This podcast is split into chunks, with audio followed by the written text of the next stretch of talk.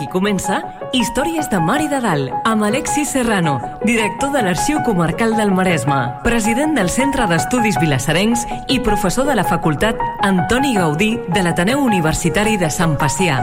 Un programa sobre el nostre passat, les històries, les tradicions, els personatges i el patrimoni de Vilassar de Mar. Una producció del Centre d'Estudis Vilassarencs en col·laboració amb Vilassar Ràdio i sota la coordinació de Núria Gómez. El notari és, als països de tradició jurídica continental, un professional del dret que té a càrrec seu la redacció i l'autorització en forma pública dels actes, els contractes i tota mena d'instruments, així com donar fe de llur contingut. Encara que la regulació de la figura del notari no sigui homogènia, el notari, tal com s'entén en la tradició jurídica continental o romano-germànica, és present en una multitud d'estats. A casa nostra, el notari té la condició de funcionari públic i, com a tal, s'accedeix a la professió mitjançant oposició.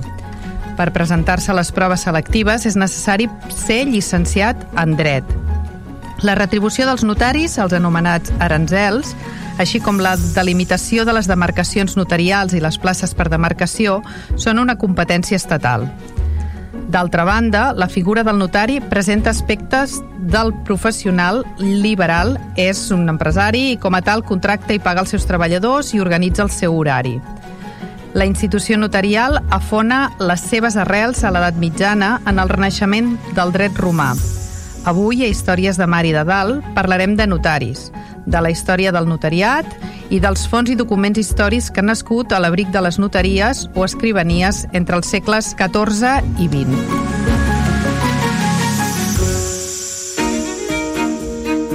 Històries de Mar i de Dalt. Entrant en matèria. Benvinguts. En el programa d'avui parlarem amb el doctor Toni Albacete sobre el notariat. I l'Alexis ens en podria fer cinc cèntims sobre el tema d'avui. Doncs sí, com deies, el notariat eh, a casa nostra eh, afona les seves, les seves eh, arrels a l'edat mitjana i anem a explicar una mica això, és a dir, parlem que és la figura del notariat d'alguna manera és el reviscular de la idea del dret del dret llatí, del dret romà d'aquell dret que a nosaltres ens arriba per la, la compilació que Justinià farà en època tardana però que bàsicament doncs, és, aquella, és aquella, aquell compendi eh, del corpus jurídic eh, romà que basa sobretot sobre la idea dels documents signats i per tant de, no tant del compromís verbal, sinó del compromís fe, eh, formalment redactat i signat per tantes parts com hi hagi en un negoci concret, però que, a més a més, té a veure amb la validació dels documents amb tota una sèrie de marques, que si signatures, segells, etc etc.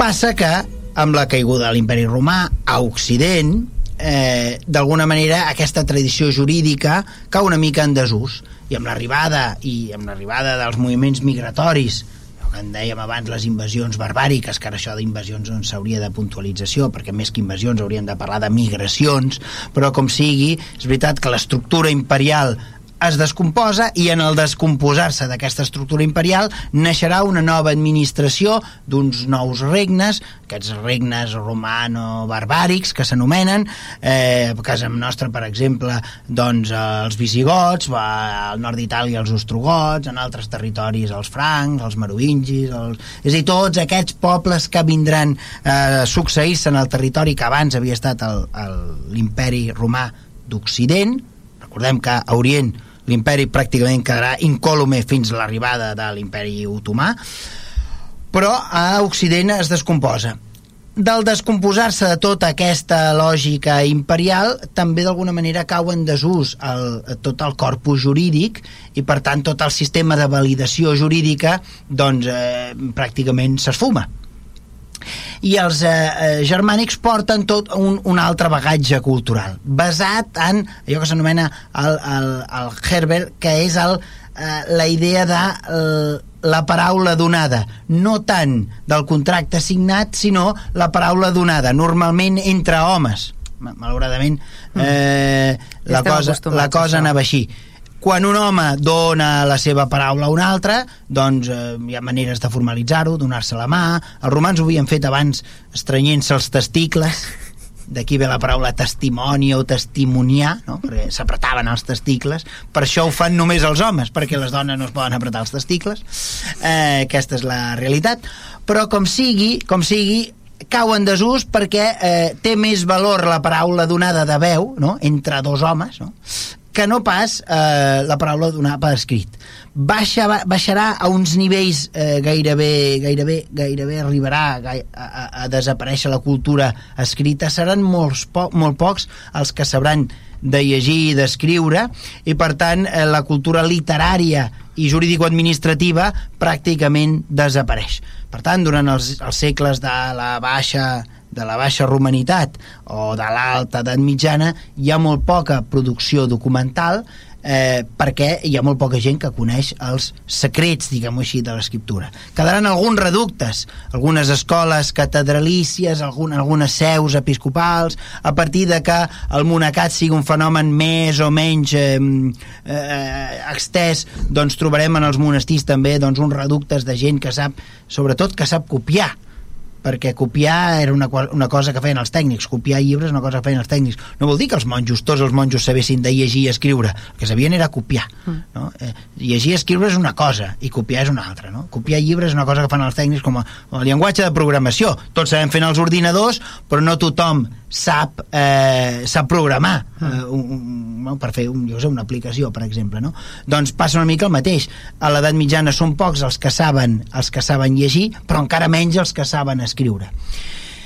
I no serà fins a, a la a la baixa, a, la, a les diguem així, a la segona edat mitjana, no? per dir-ho d'una manera, a la, a, la, a la baixa edat mitjana, quan reneix una mica la idea, la idea del dret romà, eh, sobretot vinculat a, a, a certs espais concrets a Europa, concretament doncs, a Bologna, a l'Universitat de Bologna, però en altres universitats reneix una mica el gust, la passió per eh, redescobrir els usos jurídics que feien servir els romans. Per tant, eh, es tornen a, a treure la pols d'aquelles compilacions que Justinià havia fet de, de, del, del corpus jurídic romà i a partir d'aquest moment es comença a posar en marxa doncs, una altra vegada una maquinària jurídica basada en els documents, basada en els, en els documents i les proves documentals que acompanyen aquests documents i per tant apareix la, aquesta figura.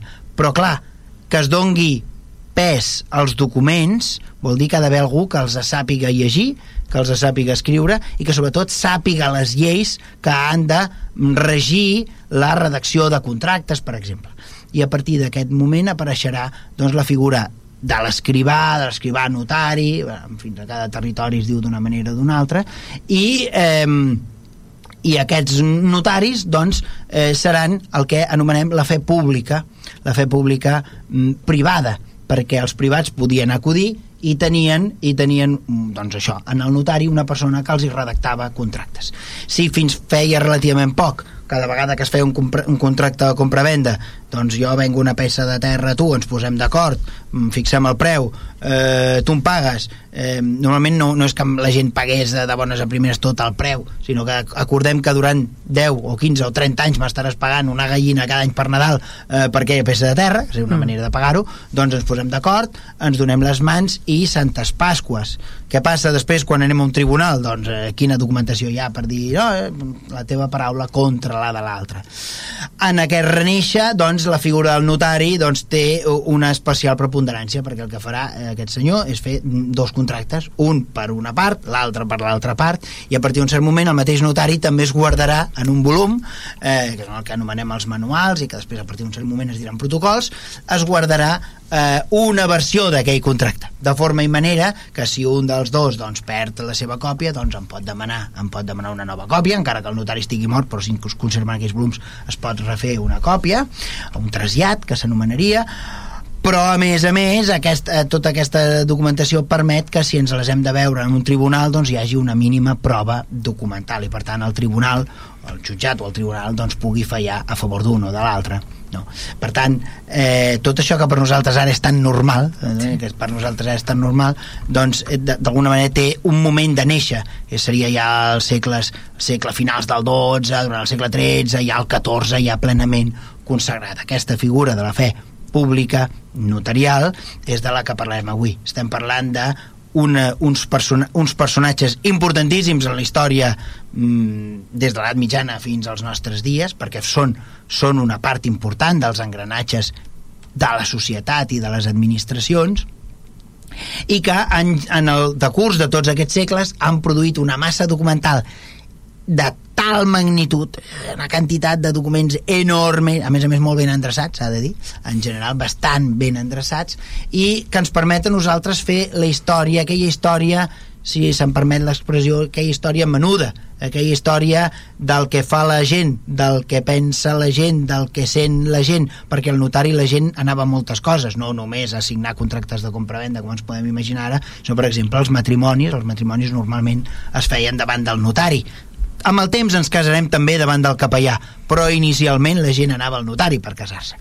Eh, aquestes coses, aquestes, a, a, totes, totes les actes que els notaris mm, contenen en aquests documents, que s'arxiven en aquests manuals ens permet a nosaltres refer la vida mm, la vida, diguem així, la vida petita de la gent i ens permet veure, entendre doncs, eh, doncs eh, què feien, on vivien com menjaven, com eren les seves cases eh, quins eren els costums que hi havien quan una persona naixia o quan una persona moria quan...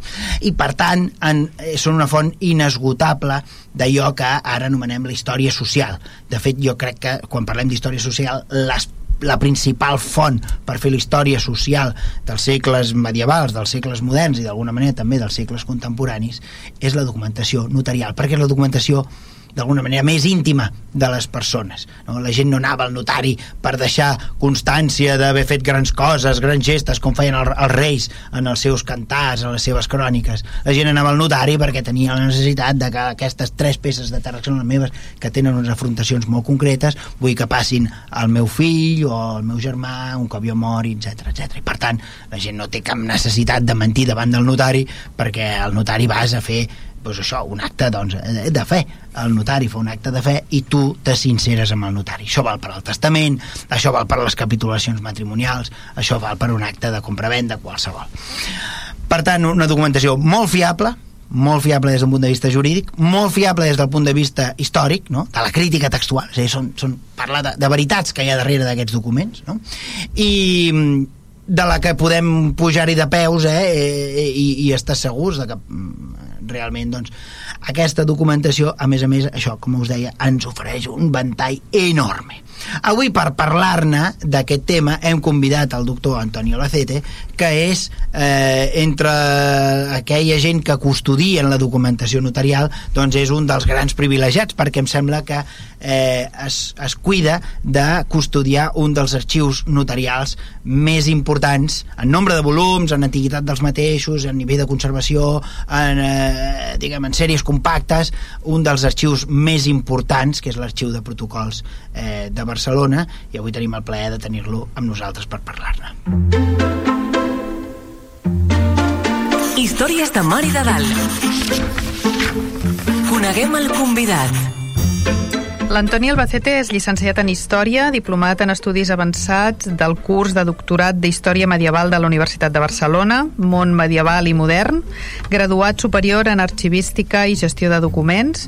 També és doctor en Història amb la tesi Esclavitud i llibertat a la Barcelona baix, baix medieval, la població esclava i el seu accés a la llibertat des de la crisi de 1380 fins a la Guerra Civil del segle XV. És director de recerca i difusió de l'Arxiu Històric de Protocols de Barcelona.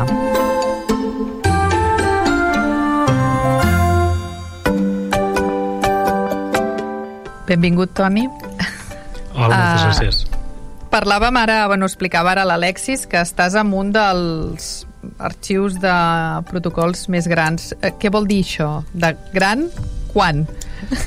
Gran quan? Bé, és, és un, diem que és una lliga de tres arxius al món, mm. Gènova, París i Barcelona, i, i Barcelona, l'Arxiu Històric de Protocols de Barcelona, eh, ara mateix gestiona uns 14 quilòmetres lineals de documentació. que van des del, des del segle XIII, que és el, els, els registres més antics que tenim, fins a, fins a enguany, el 2023, que hem ingressat al protocol del 1997 i quan canviem d'any ingressarem el de l'any 98. Val, perquè el, um, el notari es queda els llibres. O sigui, tu quan vas a una notaria normalment tenen allà uns llibres supermacos, enquadernats, amb unes dates i tal. Quant de temps l'ha de tenir un notari, aquest, aquesta documentació, abans de passar-vos-la a vosaltres? Els notaris conserven els, els protocols notarials, siguin produïts per ells mateixos, generats per ells o siguin del seu, del seu antecessor, fins als 25 anys. Val. I quan aquesta documentació compleix 25 anys, l'any d'ingressar a l'arxiu de districte que li pertoqui. Val. I en aquest cas és a vosaltres. En el bueno, cas del districte a Barcelona. Barcelona, sí, ciutat, sí. Parlant de Barcelona. I llavors, quan arriba el volum, què fas tu? Et poses a llegir totes les escritures que hi ha en aquell no, llibre? No crec que tingui temps. En molts casos m'agradaria, però no, no, el que fem és, és, és un procés molt, molt administratiu, molt, molt escèptic. És cada, cada notaria, mm. cada entregar protocol, ens els porta físicament i aleshores els, els ordenem, els contem en veu alta davant de les persones que ens els, ens els faciliten i si tot quadra amb, les, amb els oficis d'entrega, el que fem amb, amb doble còpia és segellar-los. Una còpia se la queda a la notaria que està entregant, que està transferint, i l'altra còpia se la queda al, a l'arxiu com a mostra jurídica perquè l'ingrés de documentació en arxiu és un traspàs tant físic com jurídic Val. O sigui, doneu fe de que allò que t'han portat és... Exacte. Que és el que acaba fent un notari, donar fe, no? De fet, és un fedatari públic, també, no? I és un... és privat, perquè de fet és un empresari, com ho comentàvem a l'inici, però en realitat és, és públic, vull dir... Està, o sigui, està... hi ha tres... Anem, anem a, anem a completar-ho. Hi ha va. tres tipus de fe pública. Hi ha la fe pública notarial, sí. que en parlem avui, abastament. Hi ha la fe pública judicial, que és el secretari de cada jutjat o de cada tribunal que té cura de que tot el procés, tots els procés, sigui quin sigui, si és un jutjat penal, civil, eh, contenciós administratiu, social, mercantil, de violència sobre la dona, eh, de menors, el que sigui, el secretari de cada mm, tribunal o jutjat el, es cuida d'això, és a dir, de que els actes administratius que es fan en aquell jutjat tinguin a veure amb la normativa. Un podria pensar que havent un jutge a cada tribunal ja n'hi hauria prou, però no, no, no n'hi ha prou amb que hi hagi un jutge, sinó que a més a més ha d'haver un secretari judicial, que a més a més és el responsable de l'oficina judicial. Per tant, el responsable del jutjat i de la documentació que se'n produeix és el secretari judicial. Per tant, tenim la fe pública notarial, la fe pública judicial, després hi ha una tercera fe pública, que és la, la fe pública municipal. Cada municipi té un secretari municipal que és un altre cop el responsable que en el ple, que hi ha l'alcalde i els regidors, doncs tots els actes administratius que es derivin, les, la presa de decisions, tinguin a veure amb un ordenament jurídic eh, i que per tant totes les mocions que es prenen doncs s'adecuïn doncs, al règim de bases locals, etc etc. Per tant, hi ha aquest tres tipus per altres administracions també hi ha secretaries que també es cuiden d'això. És a dir, la Diputació, a les Diputacions també hi ha secretaris, també hi ha secretaris i secretaris generals als, a, a, al, al Parlament, hi ha secretaris a, a, a la Generalitat, bàsicament, però són aquestes tres cares de la fe pública fe pública privada, la notarial, no? eh, que tenim dret a acudir als ciutadans, de normal, els ciutadans, les empreses, etc etc. la fe pública municipal i la fe pública judicial, que la que esperem doncs, no haver-hi d'anar gaire sovint. Anava a dir-te, aquesta millor no fer-la servir, eh? Exacte, també ben lluny. Sí, ben lluny. Però això seria les tres cares de la fe pública uh mhm. -huh. amb el nostre sistema jurídic espanyol. Eh? Val, el d'aquí... A altres llocs la cosa és diferent. Bueno, però no, no us posarem a parlar d'altres llocs, no, no, ja feina no, tenim ja, amb lo nostre. Ja és prou complicat el, el que tenim a casa. Llavors, a, a, comentaves que Barcelona, o tu en aquest cas, tens un arxiu d'aquells mm, per entretenir-t'hi força estona, no? Llavors, eh, de quina manera ho puc accedir jo en el, en el teu arxiu? És a dir, si jo volgués consultar alguna cosa i tal, què he de fer? Bé, en el cas de la documentació notarial, pel que fa al seu accés, mm. um, és molt simple i està, i està completament regulat per la mateixa llei. Hi ha uns talls molt determinats eh, fins als 25 anys el té el, el notari, productor o el successor d'aquell notari que l'ha produït a partir dels 25 anys és entregat en els arxius de districte que li pertoqui i aquests arxius de districte el tenen restringit a l'arxiu intermig des de que entra als 25 anys fins que arriba als 100 anys. Un cop el, el volum és centenari, passa a ser de consulta pública, lliure, sense cap tipus de restricció, ni tampoc sense cap tipus de justificació de la seva consulta. Per tant, la documentació notarial, en quan compleix els 100 anys, la pot consultar qualsevol persona, pels interessos que sigui. Val, perquè abans suposo que és per llei de protecció de dades, no... O, perquè clar, si no tothom podria aquí xafardejar, És una qüestió no? de ser interessat en aquell procés, en aquell mm. document. Uh, cada tipologia documental, cada cas, uh, té establert clarament qui són els seus, els seus interessats. Només els interessats tenen accés a aquests documents. Clar, aquests documents que no són centenaris, els interessats només hi tenen accés a través de les còpies simples o autèntiques que generaran um, fins als 25 anys les notaries que custodien aquells protocols i a partir dels 25 anys el notari arxiver del districte que és el que custodia en última instància aquesta documentació que té entre 25 i 100 anys. Val. Perquè en el cas de aquesta, sí, l'Alexis, segurament tu també, que us agrada investigar coses i llegir, buscar i tal i qual, eh, entenc que qualsevol persona que volgués o que estigui fent un treball, jo que sé, sobre el, no sé, alguna finca o alguna però, però no un treball històric, eh, no un treball de... Podria consultar aquests documents mm, fins a que no tinguin 100 anys? No, fins que no tinguin 100 anys estan restringits i no, mm. no hi ha manera d'accedir a no sé que això, que siguis un interessat sobre aquell document mm. i això sí, paguis, entris en el procés administratiu de generar aquesta còpia i paguis l'arancel corresponent però a partir d'aquests 100 anys qualsevol persona que vulgui estudiar qualsevol aspecte perquè de fet això ho comentava l'Alexis sí. la documentació notarial um, és la documentació de les persones sí. aquesta frase no és meva és d'un notari arxiver del districte mm. de Barcelona el senyor Raimon Noguera de Guzmán que de fet és la persona que li hem d'agrair que físicament encara existeixi a un dels tres arxius notarials més importants del món, que és el de Barcelona, perquè ell, en la, ell va arribar a ser degà del Col·legi Notarial de Catalunya, però durant la Guerra Civil, de fet, a l'inici de la Guerra Civil, ell era el notari arxiver del districte.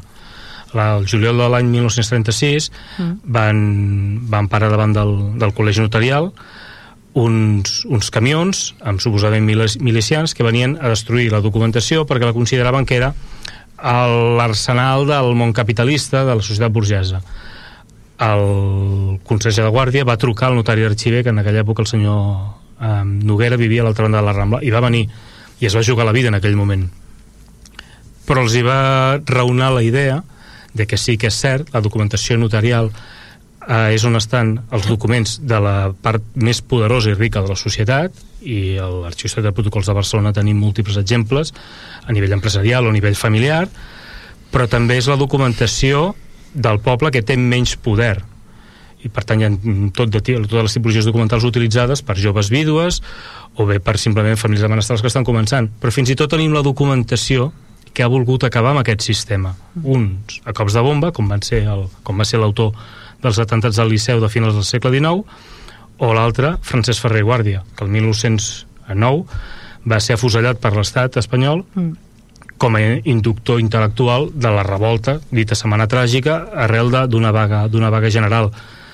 Per tant, sí, és cert, és la documentació de la gent rica, de la gent poderosa de la societat, però també de la gent que no és tan poderosa o que fins i tot vol acabar un mitjà o un altre amb aquesta societat eh, burgesa capitalista que és el que volien acabar els anarquistes. Davant d'aquests arguments, aquells milicians van, van, van, ple, van plegar les armes, van arrencar el camió i se'n van anar al carrer del notariat avall i cap a casa. Bueno, de fet, és, és, és molt simpàtic, bueno, simpàtic, és, per mi és curiós perquè van, van, van incautar l'arxiu i van posar-li guàrdia armada a l'edifici i van col·lectivitzar el col·legi notarial. Ah, bueno. Arrel d'això. Bueno, no, el, el, el senyor com a mínim va salvar uns documents que, que, que, que són que, prou importants. Que, de eh? fet, el col·legi notarial, no sé si la paraula és col·lectiu, però és públic. Sí. És a dir, eh, no deixa de ser un, en part redundant. Bueno, coses d'aquella sí. època. Una cosa similar a la nostra comarca li va passar en Pons Guri eh, Pons Guri amb l'arxiu d'Arenys va salvar la documentació també la documentació del districte notarial en aquest cas d'Arenys la va poder salvar perquè va fer un raonament similar. En aquest cas no jugant-se la vida el senyor Pons va posar un paperet clavat amb unes xinxetes a la porta dient l'arxiu és el de tothom i a la documentació relativa a tots els habitants de la localitat i del districte, etc etc etc i la documentació notarial del districte judicial d'Arenys es va salvar gràcies a aquesta noteta que va estar penjada des del 36 fins al gener del 39 allà a la porta i que per cert encara la conserven a l'arxiu municipal és un document com històric. un, un document de veneració eh, s'ha de dir que Luc eh, eh, que el, el, el Pons Guri va voler eh, va voler portar la, la documentació a l'arxiu va voler portar a l'arxiu la documentació del jutjat de, de primera instància i instrucció d'Arenys. I el jutge s'hi va negar i no va poder portar la documentació. I malauradament els milicians van cremar la documentació del jutjat de primera instància i instrucció d'Arenys i en canvi la documentació notarial es va salvar. No, gràcies a aquesta noteta que, que com us deia eh, conser, eh, conserva encara l'arxiver Luc Palou doncs conserva en el fons de, municipal. Eh, en fi, coses de, coses de la guerra però com sigui, eh, sí que és veritat que estem parlant, deies que és una terna de tres, tres grans arxius notarials del món. París, eh, has dit Gènova. Gènova. Gènova i Barcelona no està mal, encara que ens toqui la, la medalla de bronze no està malament no, no sé si ens toca la medalla No, de no, jo- jo dic- què seria la d'argent? Jo diria el contrari, que mm, potser ens toca la medalla, la medalla d'or. Són, tres grans arxius, són els tres grans arxius notarials del món, per Gènova, en el cas de Gènova és per proximitat geogràfica amb, amb Bologna, mm. l'Alexis n'ha parlat, a, a Bol- a la Universitat de Bologna, que és juntament amb la, amb la Sorbona de París, les, les dues universitats que diuen de generació espontània, no hi, no hi ha cap poder que les, les creï ex professo, mm. sinó que és la reunió espontània entre mm, gent que té coneixement i gent que vol rebre coneixement. De, Bol de la Sorbona també, però sobretot de Bologna és, el, és on és la figura del notariat, amb, amb, sobretot amb Rolandino de Passageri, amb la, amb la, amb la seva obra Ars Notariae. Però la proximitat amb, de, de, de, de, de Gènova amb Bologna fa que ells tinguin registres ja des del segle XII registres complets, eh? a casa nostra també en tenim eh? alguns exemples, però ells en tenen en certa quantitat i així van allargant la cronologia en, en l'arxiu d'estat o l'arxiu d'estat de, de, de Gènova París, bueno, París és, és, és un mostre en si mateix perquè és per la típica mm, conformació político-administrativa de França, la centralització. Per tant, és l'arxiu que està in integrat i inserit dins el sistema dels arxius nacionals de França, és l'arxiu que concentra no només la capital, París, que ja té, té potència mm. eh, demogràfica, econòmica, social i cultural des de fa segles, sinó tota la seva àrea d'influència, que és, que és molt àmplia. Clar, en el cas de Barcelona, eh, si, París segurament se'n deu anar, jo crec, eh? no, no tinc les dades aquí, eh? però París se'n, segur que se'n va entre els 30 i els 40 quilòmetres lineals de, de documentació. Per la seva cronologia, sí que tenen alguna cosa del període medieval, però és molt, molt, molt escadossera. El 16 comencen a tenir documentació i el 17 al 18 és quan la cosa eh, augmenta de volum i el 18, sobretot 18 fins al 18 i 19 i la part del 20 corresponent. Per tant, tenen més documentació que nosaltres. Gènova sí que és cert que comença abans que nosaltres, però en tenen menys, en general. Clar, és que a Barcelona, pel segle XIII, en tenim quatre volums, literalment quatre, eh? I, de fet, només un d'ells és complet per un notari, el Pere, Pere Portell. Però el segle següent, el segle XIV, en tenim vora 2.500. El segle XV ens en anem a vora 5.000. I així exponencialment fins a arribar a dia d'avui a tenir 42.000 volums històrics i gairebé 192.000, 193.000 volums en total. Per tant, en cronologia i en volum mm, podem no en volum en París però sí en cronologia i en Gènova no tant en cronologia tot i que més ajustats però sí en volum els podem superar. Però per mi Barcelona té una té, una, té un element que la, que la fa diferenciador de París i Gènova. Tant París com Gènova són arxius públics per tant estan finançats per, per, són sistemes eh, nacionals d'arxius estan finançats per els pressupostos generals dels seus estats. Mm. L'arxiu de Barcelona està finançat des del moment que es crea a partir de la llei del, de la llei del notariat de 1862 per la corporació del Col·legi de Notaris. Val. Per tant, és un arxiu públic, però mantingut amb fons privats. Val. té el seu mèrit. Sí. Però jo afegiria ja per fer la competició, perquè si hem de competir amb els francesos ens hi posem. Endavant. Ens hi posem. Eh, ens correspondria la medalla d'or si contem els volums que, eh, que tenim a Catalunya, és a dir, París no és París, París és... És París França. I, i, i, i, mig, i mitja França, perquè, Sí. en veritat, si parlem de l'estructura departamental de França, no sé què, el departament de París, que és el més gran, de, de fet, gairebé el departament de París és la meitat del país. Si nosaltres parléssim de Catalunya, tota sencera, tota quanta, eh, eh, clar, aquí hauríem de sumar els volums notarials que hi ha medievals i moderns i contemporanis a la resta dels districtes notarials, perquè clar, aquí estem parlant del districte notarial de Barcelona. És que això Però si parléssim preguntar. del districte notarial de Mataró, que perquè en fem una idea aniria doncs des dels dos, des de... És a dir, mm, districte notarial de Mataró vol dir Masnou, que té que és seu de notaria, Vilassar, que és seu de notaria, primer estava Vilassar de Dalt, després es passarà a Vilassar de Mar, com la gent ho sap, que ens escolta, sap que a Vilassar hi ha un notari, Sí. i hi ha notaries a Mataró, a Caldes, etc etc. Per tant, el districte notarial de Mataró que només és un tros de la comarca del Maresme, perquè després hi ha la notaria d'Arenys, no? però si suméssim els volums que té la notaria medievals i moderns, la notaria d'Arenys, la notaria de, de Mataró, amb els de Barcelona, juntament amb els del Vallès, eh, Penedès, Garraf, etc etc. Si, si féssim una, equip, una equiparació del que té del que conserva París de forma centralitzada, sí, molt, molt, molt, molt jacobina nosaltres tenim un altre sistema d'arxius. Nosaltres tenim a cada districte tenim el nostre arxiu comarcal perquè ens entenguem i, i els arxius comarcals doncs, són arxius de districte no? l'arxiu comarcal del Maresme és la- l'arxiu del districte de Mataró. En el cas d'Arenys doncs, l'arxiu municipal d'Arenys custodia eh, la documentació del districte d'Arenys com hem dit i per tant si suméssim tot això probablement en nombre de volums estaríem en el top dels tops.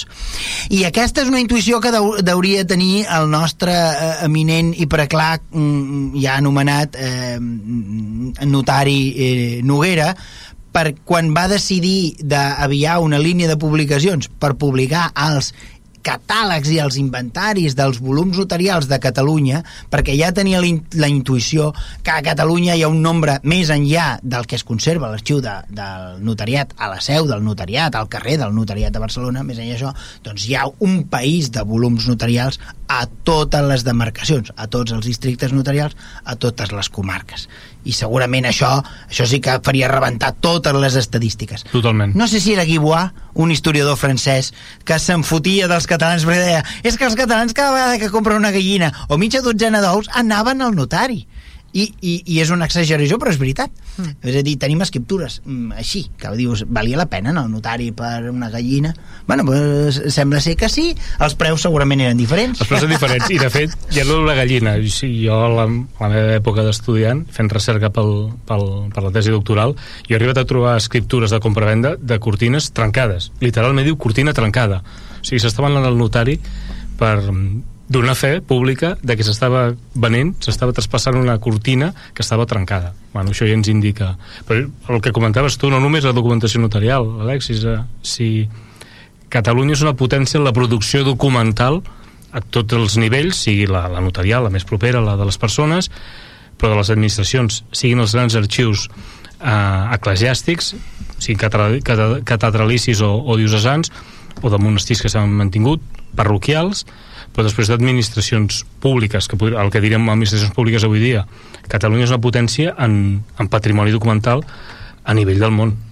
I tant és així que en l'últim congrés d'arxivística mundial que ha tingut lloc a Dubai eh, s'ha adjudicat que la propera celebració del Congrés Mundial d'Arxius tindrà lloc el 2025 a Barcelona. Ah. És a dir, ni, ni més ni menys. No a París, a Barcelona. No a París, eh? ni a Gènova, ni a Bologna.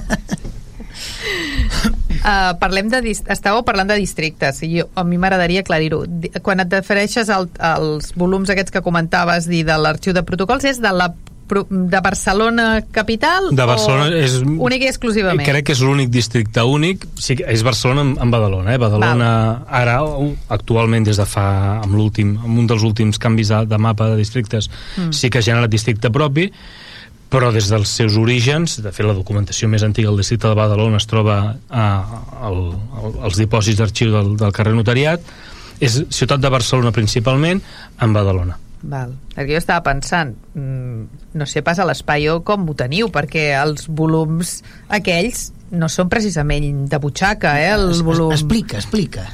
Explica. Explico. Uh, això li hem d'agrair al, al, en aquell moment al degà Robert Follia i Camps. Era el degà que va va veure la necessitat de que es calia ampliar el, la capacitat d'arxiu, els dipòsits sí. d'arxiu, comptant que quan en el, en el seu deganat, quan ell pren la decisió el, a finals dels anys 80 i l'obra s'executa entre l'any 1991 i 1994, els dipòsits d'arxiu eren els mateixos que s'havien inaugurat amb la inauguració de l'edifici el, el 29 de juny de 1882. Per tant, tenim uns dipòsits que van tenir capacitat per absorbir la, la documentació del districte eh, des de 1882 amb tot el que s'havia recollit a partir de la llei del, del 1862, per tant, amb 20 anys de precedent de recollida de concentració de fons fins a 1994. Ell és el que impulsa la compra del, dels, dels terrenys que diguéssim, perquè ens entenguem, ens queden a la part del darrere del, de l'edifici actual, la seu del, del, del col·legi del segle XIX, i la documentació està mm, perfectament um, organitzada en quatre plantes subterrànies. El, el, pis, el, pin, el pis més inferior, el menys 4, estem a 12 metres sota terra, tant el menys 4 com el menys 3 estem, de fet, sota capa freàtica, per tant, sota el nivell del mar, perdó, per tant, ens impacta tota la capa freàtica que des de la, la, la serra litoral Pla de Barcelona Vall va cap al mar, i el menys 2 i el menys 1 ja queden més, en, en, però tot són quatre plantes subterrànies que ens donen això, és una capacitat de És un gairebé... arxiu amfibi. És un arxiu amfibi perquè, de fet, el, el, el, el paviment, el terra, perquè ens entenguem, del, del pis més inferior, del menys 4, sota el que hi ha és una gran piscina sectoritzada que el que fem és recollir l'aigua. L'aigua no, no, la podem, no la podem desviar, l'aigua ens arriba, per tant la, con, la concentrem i quan arriba a certs, a certs nivells la- la- l'expulsem. Perquè, clar, guardar els papers eh, tenen vida.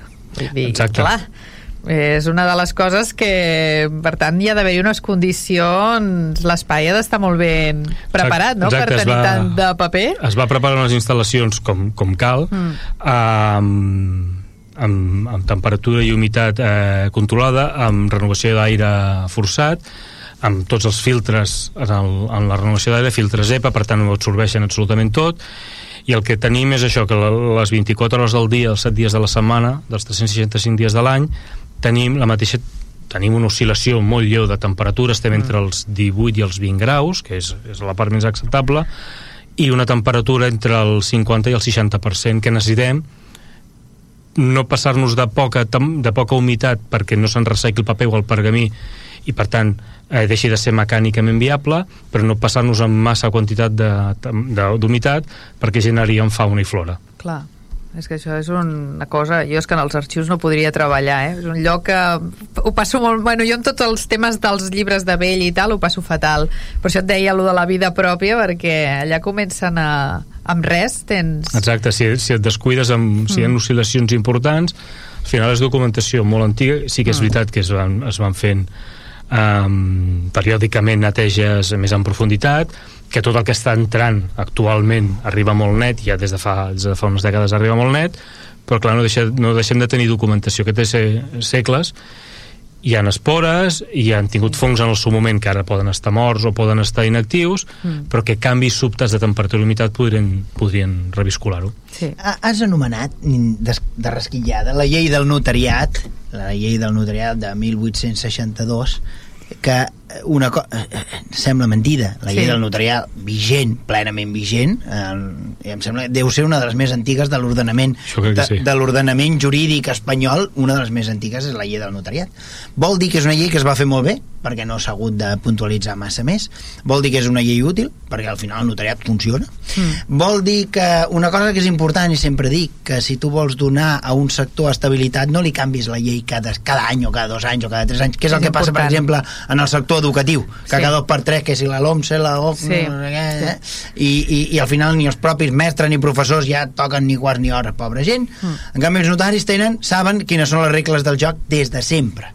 És dir, el notari més antic del nostre país té el mateix, el mateix esquema jurídic, eh, antic vull dir, és el més gran, que hi hagi l'arxivera més gran que hi, ai, la notària més gran que hi pugui haver exercint, sap que hi ha el mateix panorama que quan va començar a treballar. I això dona una gran estabilitat i, un, i clarifica molt. Hem dit 100 anys a la consulta pública, hem dit 25 anys a l'ingrés de l'arxiu intermedi de, de, dels districtes, hem dit quina és la responsabilitat mentre que la documentació està en actiu, etc etc. Hi ha tota una sèrie de, de disposicions quan la notaria és vacant, etc etc. Està tot molt ben reglat. Una llei, insisteixo, 1862, d'època d'Isabel II. Una cosa, sí, sí, el signella, sí. Una cosa, mm, en fi, ja de per si ja és un artefacte històric, aquella llei.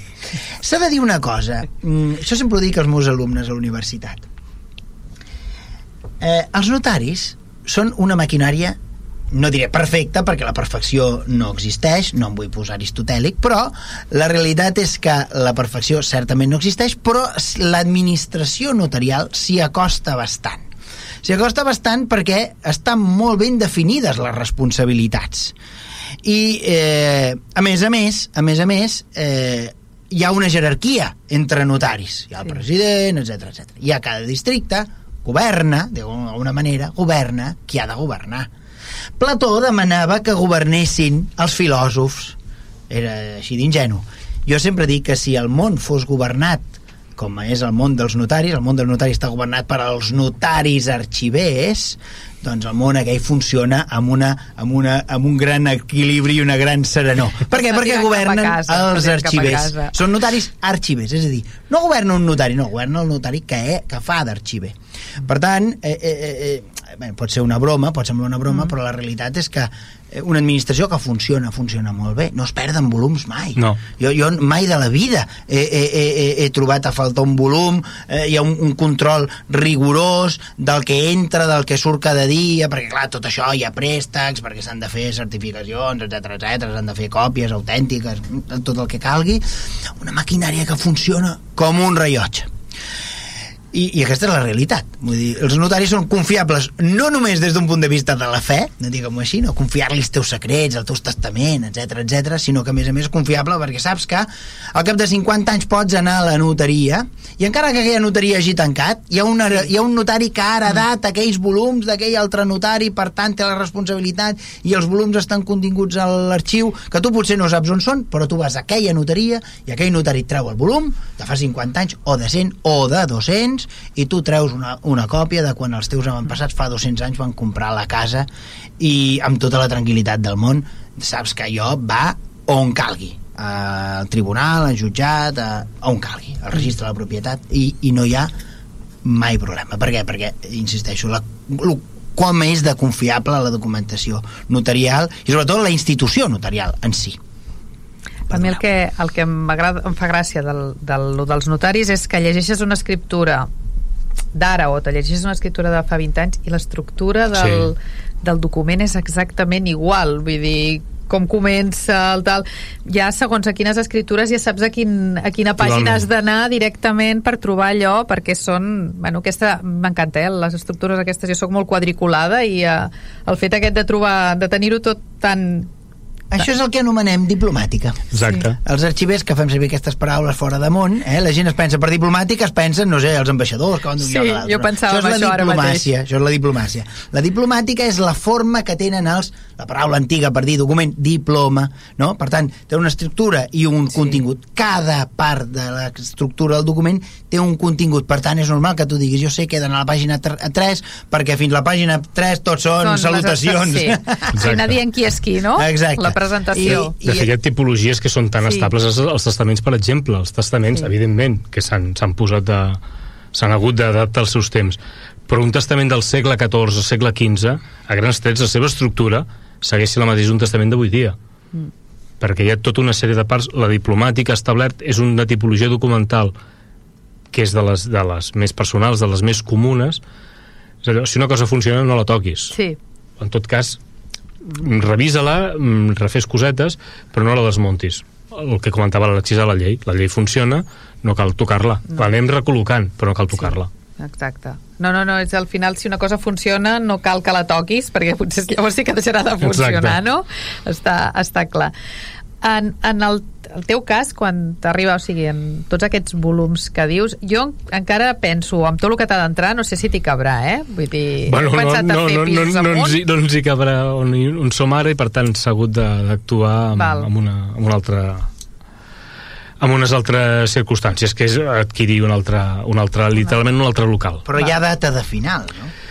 Ja data de final... És a Eh, dir, això s'acabarà en algun moment. Parlant de les vergonyes, l'actual dipòsit té capacitat per absorbir el proper any el corresponent, el 1998, que ens ha d'ingressar en el 2024, i ja el 1999 Ja no. ha d'entrar en un altre En un edifici. altre lloc. No, però jo em referia de que s'ha d'acabar perquè en algun moment les escriptures han de ser electròniques. Bueno, de fet, S'està treballant ja s'està treballant cap aquí, però bueno, la, Ja ho veurem. les inèrcies, les inèrcies, el paper és el paper.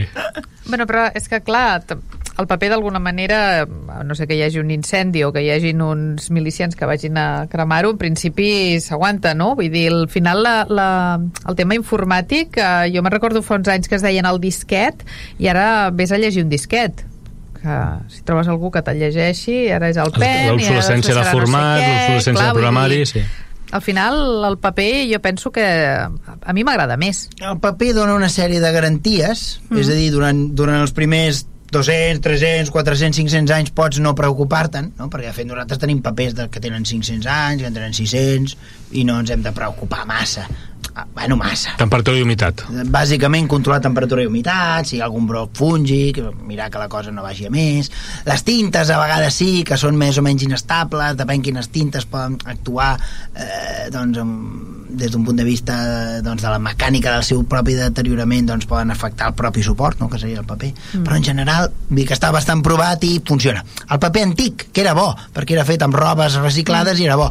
El paper més recent, més contemporani, que és molt àcid, es craquela, es trenca, el paper dels anys 40 és dolentíssim, Espanya estava tancada en si mateixa, no arribava paper de fora, Espanya no produeix, eh, els boscos d'Espanya no tenen sequoies com les californianes, que produeixen una gran quantitat de paper, teníem la major part del paper dels anys 40 i 50 és reciclat, per tant és àcid sobre àcid i per tant paper molt xungo, a part eh, a part, doncs, a partir d'un cert moment vindran els tòners, el tòner no és tinta sobre el paper, sinó que és pols, eh, té tota una sèrie de problemes. Però la realitat és que si pensem, el paper té una sèrie de garanties.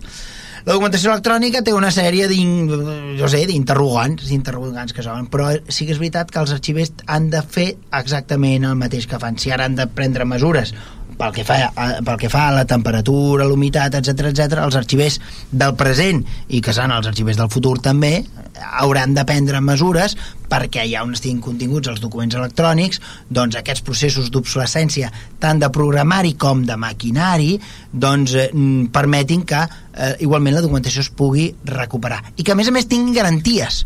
Vol dir signatures i segells que es mantinguin en el temps perquè aquell document tingui valor jurídic administratiu i que els actes administratius que se'n deriven segueixin sent vàlids, executius i executables, que diu la llei.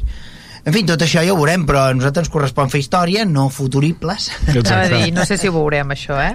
Però bueno, amb tots aquests volums que, que tens i tal, has trobat alguna cosa d'aquelles que diguis, ostres tu, jo no sabia que teníem això aquí. Bueno, és que fa, fa de mal dir perquè sona, sona molt, molt, molt, molt de xuleta, clar. No. En, tenint en compte la, la, la quantitat ingent que tenim de documentació de tots els períodes, no? de la mitjana, de l'època moderna i de la part contemporània que, que, és, que és accessible, clar, estem parlant que ara mateix podem consultar els volums de 1923 mm, van, van, ens van sortint coses o bé nosaltres mentre anem fent el, el propi tractament o bé les meves funcions ja pròpiament de recerca i difusió que, que, que, que ja m'obliguen no? a, per sort i perquè m'encanta anar, anar remenant la documentació els mateixos usuaris quan troben ells mateixos coses que són cridaneres tenim la sort que aquests usuaris ens, ens, ens ho comenten i nosaltres anem prenent nota clar, de totes les èpoques una cosa que és molt més recent i molt, i molt més molt més punyent no és, estem parlant, estic parlant ara de molt a finals dels, del principis del 20 rascant entre el 19 i el 20 perquè hi ha una fotografia pel mig i és una escriptura en la qual és una escriptura entre dues famílies que una està adoptant el nen de l'altre Oh. sense cap tipus d'intervenció de la, de l'administració pública, vull dir, és una família que no té les possibilitats i l'altra família està adoptant el nen. I un element que conforma aquesta escriptura és la fotografia del, del, del nen. Curiós, això. Clar, aquí hi ha aquesta part humana. Després mm. recolem una mica més, però també és mentalitats i és, i és una qüestió totalment del dia a dia. Hi ha una escriptura que és la, la podríem dir que és la, la, el testimoniatge de dues persones que són criats en una casa de Barcelona, una casa bona de Barcelona, que estan, tes, estan testificant que la, la mestressa de la casa ha rebut una pallissa del seu marit, tot i estar embarassada, perquè en el seu moment la mestressa de la casa va recriminar a un altre criat que havia forçat a una de les, de les criades de la casa. Mm. Això comporta que el propietari de la casa, el marit de la senyora i cap d'aquesta gent, el, el qui, a la qui li faci pagar això, la que rebi sigui la pròpia, la pròpia dona de la casa, que més que està embarassada. Ostres. Clar, la documentació notarial mm, és la documentació de les persones, clar, tirant cap al meu àmbit mm, de recerca fins, fins fa poc el, el més intens, que és l'esclavitud. Hi ha desenes de milers, per no dir centenars de milers de documents que ens parlen els propis esclaus en el moment de, de, en el procés de ser estan alliberats, quan encara són, no són ni lliures ni, ni esclaus, o quan ja han arribat a la llibertat, han retornat a la llibertat de forma plena, clar, ens estan mostrant moments de, de la seva vida, del seu dia a dia, moments que si hi posem la distància de l'historiador, doncs bueno, tu analitzes una situació social i intentes treure conclusions, però que quan hi entres al document penses, mmm, Déu-n'hi-do, déu nhi déu Sí. No, no, ha de ser, ha de ser, ha de ser una mica d'orillo, no? Vull dir, perquè... Clar, són situacions clar, socials. Sí. És, és impossible no empatitzar amb altres sàpiens sí. que, que són el mateix Totalment. que som nosaltres. Mm. Totalment. I a vegades eh, si ens volem posar en un pla de superioritat moral, eh, però la realitat és que són sí. gent exactament igual que nosaltres, que tenen eh, gent que menja i veu, que pixa i creu, que han tingut els mateixos problemes que tenim nosaltres, més els derivats del seu context històric, com nosaltres ara, que estem eh, subjugats al nostre context històric i social, no? Uh Mhm. -huh. Però veiem que algunes coses, algunes coses en essència són les mateixes. Coses molt interessants, per exemple, dins de la documentació notarial, per exemple, hi ha contractes artístics, no? per exemple, doncs, de decoració d'esglésies, no? per tant, sabem, podem resseguir la feina que fan els artistes no? um, a partir d'aquesta documentació notarial. Estic pensant, i aquella tesis enorme d'un tal Manel Arranz, que va fer de sobre els artistes eh, de, del barroc, de l'època del barroc, per tant, segle XVII, XVIII, a Barcelona, bàsicament totes les cites són documentació notarial. Em sembla que són vuit volums, són vuit volums de tesis doctoral, doctoral on es reuneixen artista per artista, no? Pues jo que sé, un mestre daurador, un escultor, un pintor, no sé què, estan tots per ordre alfabètic i van sortint, doncs aquest va actuar en aquesta església, va fer això, una, un sant aquí, una, un retaule allà, una pintura aquí, no?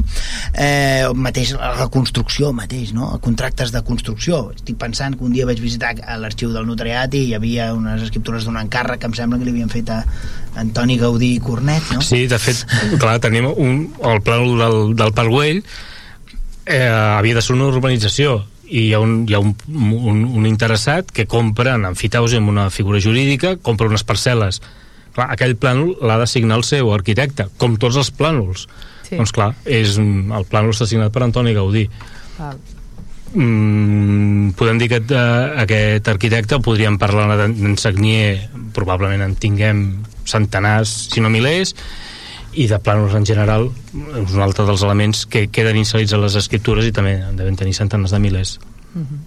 Bé, uh, no sé si hi ha alguna cosa que, que hagis pensis, ostres, no m'ho han dit, no, no m'ho hem parlat no, jo crec que ho hem tocat una mica tot, no sé si l'Alexis vol no, acabar de... No amb la profunditat que ens hagués agradat, segurament. Exacte, això segur. Perquè un altre dia hauríem de parlar de tipologies documentals més concretes. Totalment. Eh, perquè són tantes i tan variades i d'alguna manera formen la vida de la gent.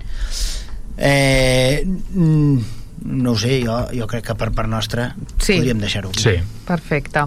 Doncs uh, moltíssimes gràcies. Moltes gràcies. Hem arribat al final del, del programa i recordeu que podeu tornar a escoltar el programa a través de vilassarradio.cat i a Spotify buscant històries de mar i de dalt. I també us podeu subscriure al canal de Spotify per rebre el programa cada setmana. Adeu i fins al proper programa. Històries de Mar i de Dalt, un programa sobre el nostre passat, les històries, les tradicions, els personatges i el patrimoni de Vilassar de Mar. Una producció del Centre d'Estudis Vilassarencs en col·laboració amb Vilassar Ràdio i sota la coordinació de Núria Gómez. L'actualitat de Vilassar de Mar la pots buscar a molts llocs, però només la trobaràs a Vilassar Ràdio. Segueix-nos en directe a través de vilassarradio.cat. Si ets un o una artista, resideixes a Catalunya i exerceixes la teva activitat professional en els àmbits d'arts plàstiques, arts visuals o els nous sectors creatius, música i experimentació sonora, disseny o il·lustració, arts escèniques, literatura, audiovisuals o cinema, o bé creació de videojocs, et volem conèixer. Per això hem creat el Cens d'Artistes de Catalunya, una eina que ens servirà per conèixer la veritable població dels i de les artistes i creadors i creadores del territori i el nivell de representativitat de cada disciplina. Per diagnosticar la situació del sector cultural a Catalunya, detectar i avaluar les necessitats dels i de les artistes que exerceixen la seva activitat amb caràcter professional i establir noves polítiques en l'àmbit cultural per emprendre accions amb la voluntat de millorar les condicions laborals, fiscals, contractuals i de propietat intel·lectual dels creadors i creadores del nostre país. I en el futur, per connectar creadors i creadores amb professionals, empreses i entitats involucrades en el món de la cultura. I com et pots registrar al cens d'artistes? Doncs per donar-te d'alta, només has d'anar al web cultura.gencat.cat i emplenar el senzill formulari d'alta al cens d'artistes amb les teves dades identificatives, de contacte i àmbit creatiu al que pertanys. Oh, m'he descuidat el cabàs. Ara torna a pujar les escales. Quina mandra. No passa res. Per avui demano una bossa i me n'oblido. Una bossa de plàstic pot trigar centenars d'anys a desaparèixer. S'ha establert la prohibició de lliurar gratuïtament bosses de plàstic a qualsevol establiment comercial de Catalunya. Les bosses es paguen, que no les pagui el medi ambient. Generalitat de Catalunya. La Generalitat informa que aproximadament una de cada cinc persones fa un consum de risc d'alcohol sense ser-ne conscient. Planteja't si pots beure menys. Limita els dies en què beus alcohol, no en beguis fins al dinar, escull begudes de baixa graduació, combina'l amb begudes no alcohòliques, beu fent globs petits i no prenguis begudes alcohòliques per satisfer la set.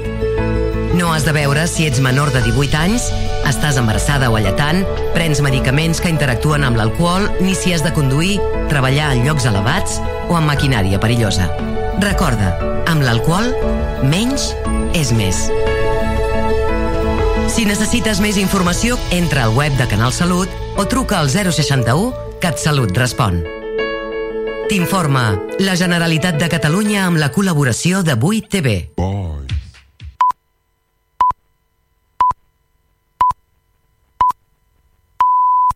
Vilassar Ràdio són les 10 de la nit. Si no ets en vas, on aniràs? Ho recordes? Jo sí. L'envàs on vas fa 10 anys. Des d'aleshores sabem el mal